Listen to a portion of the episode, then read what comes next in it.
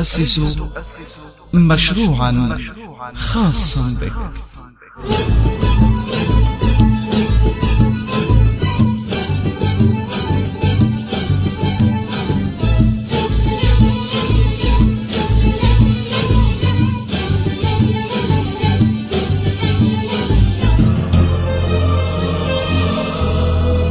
كيف تؤسس مشروعا خاصا بك؟ برنامج من إعداد وتقديم عبد العزيز غالب القدسي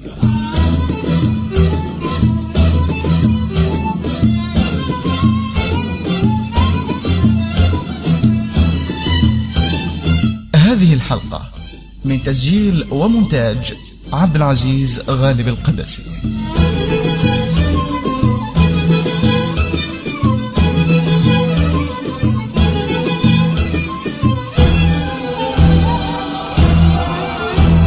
مرحبا بكم مستمعين الأكارم. هذه حلقة جديدة من برنامجكم كيف تؤسس مشروعا خاصا بك. هذا البرنامج الذي يعد دليلكم لتأسيس مشروعكم الصغير.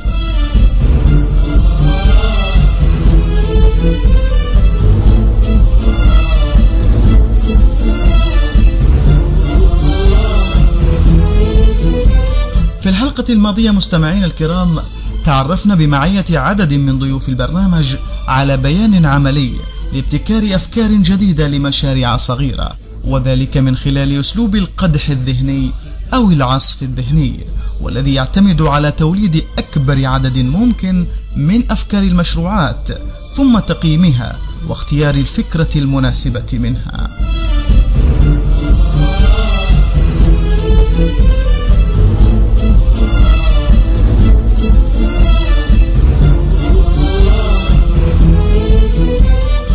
ومن الجدير ذكره مستمعينا الكرام أننا في الحلقة الماضية قمنا بتطبيق طريقة القدح الذهني جماعيا بمشاركة عدد من الإخوة والأخوات وتقسيمهم إلى مجموعات. غير أن ذلك الأمر غير ملزم فيمكنك عزيزي المستمع عزيزتي المستمعة تطبيق طريقة القدح الذهني وإجراء خطواتها بمفردك. ما عليك إلا أن تبدأ فورا بتسجيل كل أفكار المشروعات التي تخطر على بالك واختبار وتقييم كل فكرة للوصول إلى الفكرة التي توقن بملائمتها. وأنت مستمع الكريم الذي ربما قد لا تأخذ الموضوع على محمل الجد أو الذي لا توجد لديك الرغبة حاليا في تأسيس مشروع ما الذي ستخسره؟ إن حاولت تسجيل أحلامك وأفكارك أو تخيل نفسك للحظات بأنك أصبحت ريادي أو صاحب مشروع مميز. فيا ترى ماذا ستكون فكرة هذا المشروع؟ ولماذا ستختار هذا المشروع؟ وكيف ستتراءى لك صورتك عند الشروع في تنفيذ مشروعك وعند تحقيق النجاح؟ حاول يا صديقي واعلم أن ما تفكر فيه وتحدث به نفسك يتزايد ويكبر بمرور الوقت ويصبح أفعالا. فارتقي في الخير وارقى أفقا إنها العلياء تبغي مسلما. أنت عنوان لأمجاد الأولى. فاهجر الأوحال واصعد في السماء فاهجر الأوحال واصعد في السماء فارتقي في الخير وارقى أفقا إنها العلياء تبغي مسلما أنت عنوان لأمجاد الهدى فاهجر الأوحال واصعد في السماء. فاهجر الأوحال واصعد في السماء. لن ترى يوما ونجمك ونجمك آفل. فارفع الرايات وامضي وامضي قدما أسرج القنديل واشعل واشعل همة. واركب الأهوال مهما. مهما أظلما. فارتقي في العزم دوما. شامة في الناس رمزا. فارتقي في العزم دوما. شامة في الناس رمزا. فارتقي في الخير وارقى أفقا فارتقي في الخير وارقى أفقا إنها العلياء تبغي مسلما. أنت عنوان لأمجاد الهدى.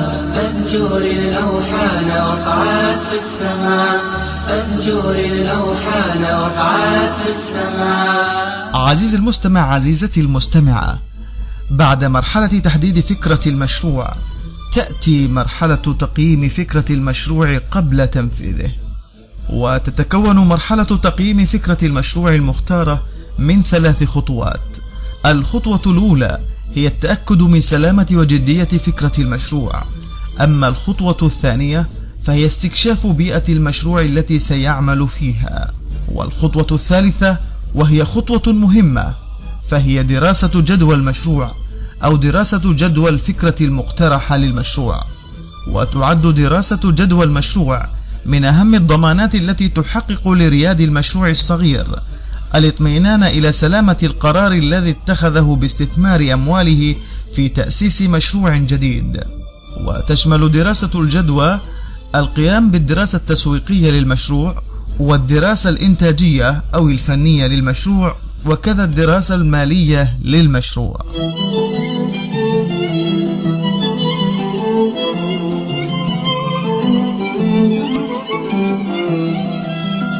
التأكد من سلامة وجدية فكرة المشروع المختار.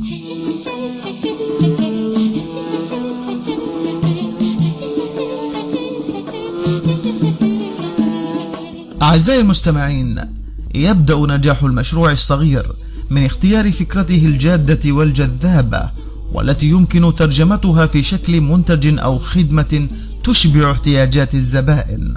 ولن يتمكن المشروع من النجاح دون أن يكون قادرا على جذب الزبائن حتى لو كان يتمتع بالكثير من الإمكانيات. إن نقطة البداية السليمة في تأسيس المشروع الصغير هو أن تكون هناك فكرة جيدة تعبر عن فرصة حقيقية في السوق يمكن استثمارها والاستفادة منها وليست مجرد تمنيات أو آمال غير مؤكدة. وللتأكد من سلامة وجدية فكرة المشروع المختارة فإن هناك عددا من العوامل أو الأسئلة التي تحكم على ذلك إيجابا أو سلبا. وهذه العوامل هي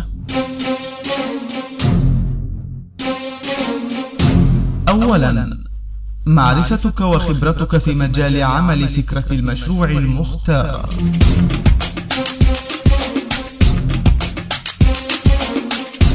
مستمع الكريم تعد معرفتك وخبرتك في طرائق وأساليب الإنتاج أو تقديم الخدمات.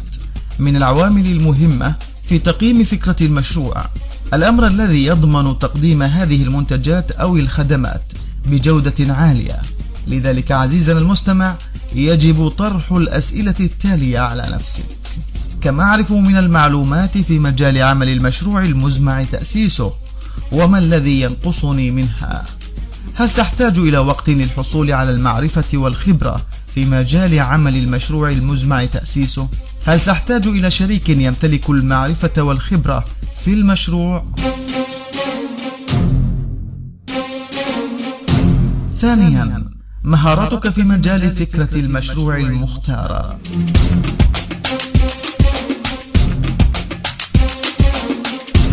عزيزنا المستمع يتطلب تأسيس ونجاح فكرة المشروع مهارات وخبرات عديدة منها الفنية والإدارية وكذلك المالية. فلا بد من توافر هذه المهارات والخبرات لكي تفي بمتطلبات عمل المشروع المزمع تأسيسه. وعدم امتلاك هذه المهارات والخبرات قد يعرض الفكرة للفشل. لذلك عزيزنا المستمع يجب طرح الأسئلة التالية على نفسك. ما المهارات والخبرات اللازمة لتأسيس ونجاح المشروع المزمع تأسيسه؟ وما مدى امتلاكي لهذه المهارات؟ وكيف يمكن اكتساب أو الحصول على المهارات والخبرات التي أفتقر إليها؟ ثالثا توافر الموارد المالية المطلوبة لتنفيذ فكرة المشروع.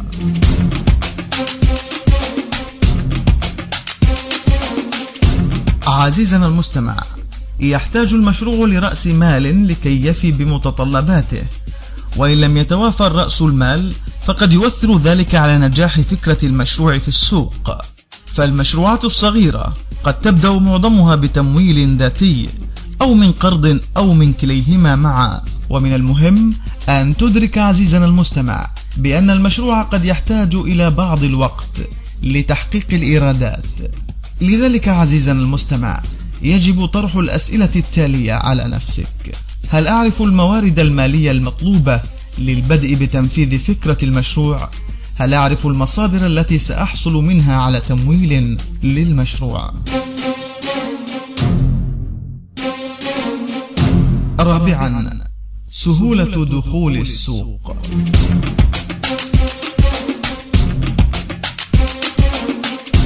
مستمع الكريم تستطيع أن تعرف مدى سهولة دخول السوق عند الإجابة على هذه الأسئلة. ما المنتجات أو الخدمات المطلوبة والمرغوبة في المنطقة أو السوق الذي ستستهدفه فكرة مشروعي؟ من هم المنافسون الذين يقدمون هذه المنتجات أو الخدمات؟ في منطقة عمل مشروعي. هل يستطيع السوق استيعاب مشروعات أخرى مماثلة؟ خامسا قدرتك على التميز.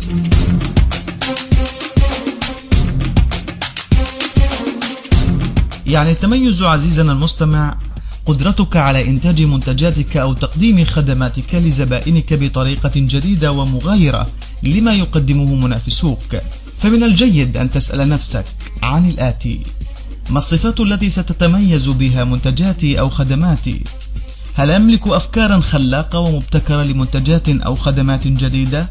وهل سأقوم بتطوير بعض المنتجات أو الخدمات الموجودة في السوق؟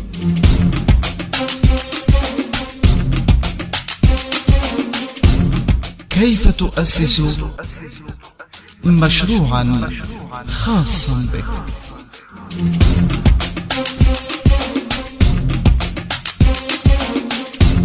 استكشاف وتحليل بيئة المشروع الداخلية والخارجية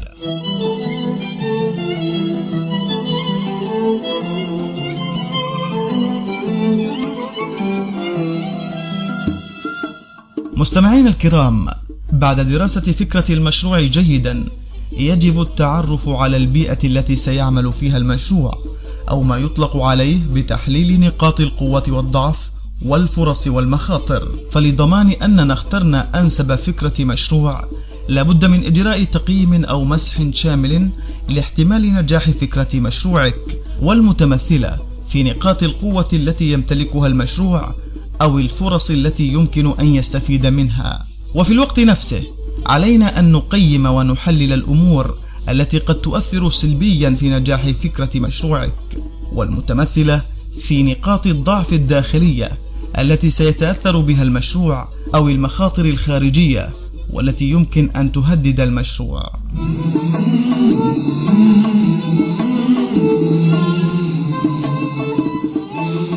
وتمثل مواطن القوة والضعف عناصر داخلية في المشروع، فمثلا نقاط القوة في مشروع ما هي العوامل الإيجابية التي ستتوافر داخل المشروع والتي ستترك أثرا إيجابيا في المشروع مثل توافر المعرفة والخبرة والمهارة عند صاحب المشروع وتوافر رأس المال اللازم للبدء في المشروع وتوافر المكان المناسب وتوافر المواد الخام وأيضا توافر الموارد المادية والأيدي العاملة الماهرة. وغيرها.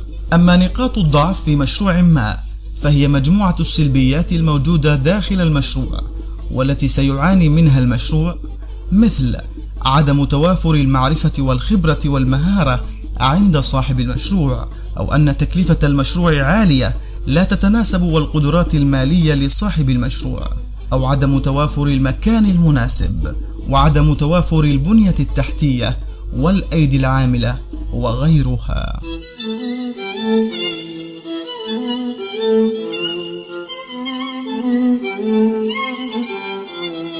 وتمثل الفرص والمخاطر عوامل خارجية موجودة في البيئة المحيطة للمشروع وتؤثر على المشروع في الحاضر والمستقبل. فالفرص المتاحة لمشروع ما هي الظروف والتغييرات التي تحدث في البيئة المحيطة للمشروع.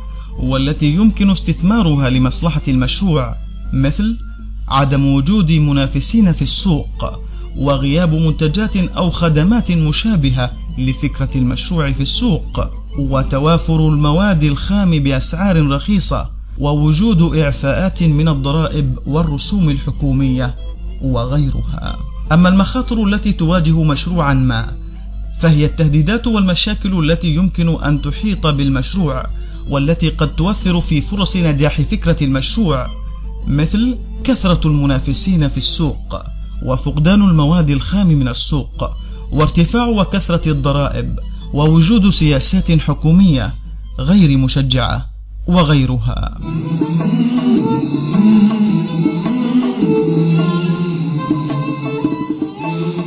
عزيز المستمع عزيزتي المستمعة إن تحليل عناصر وعوامل البيئة الداخلية والخارجية للمشروع وذلك بالتعرف على مواطن القوة والضعف في العناصر الداخلية للمشروع وكذا التعرف على الفرص والمخاطر الخارجية التي تحيط بالمشروع يساعد في تقييم جدوى فكرة المشروع المختارة أو إدراك الحاجة إلى تغيير فكرة المشروع إذا لزم الأمر. كما يستفاد منه عند وضع خطة عمل المشروع بالإضافة إلى أنه وسيلة لتطوير المشروع ويساعد على اتخاذ القرارات السليمة وذلك من خلال التركيز على نقاط القوة في المشروع والاستفادة من الفرص المحيطة من أجل التغلب على نقاط الضعف والتخفيف من المخاطر التي يمكن أن تهدد المشروع في الحاضر والمستقبل.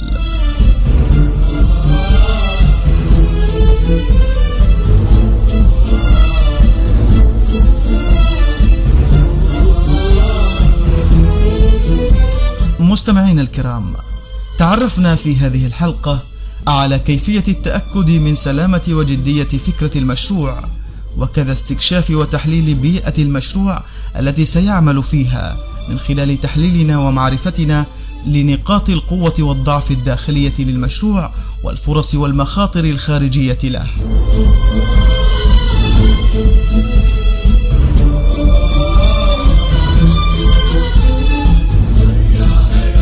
في الحلقة القادمة. أنتم على موعد مع موضوع مهم للغاية وهو دراسة جدوى المشروع. إلى ذلكم الحين دمتم في رعاية الله وحفظه.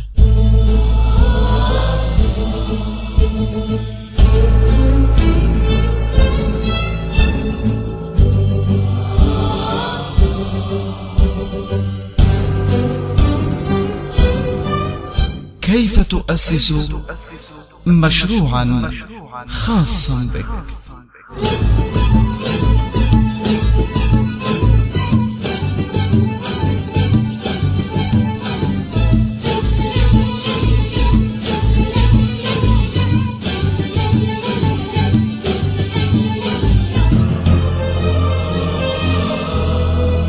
كيف تؤسس مشروعا خاصا بك؟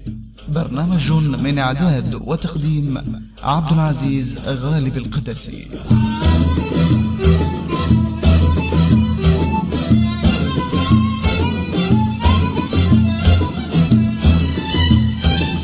هذه الحلقة من تسجيل ومونتاج عبد العزيز غالب القدسي.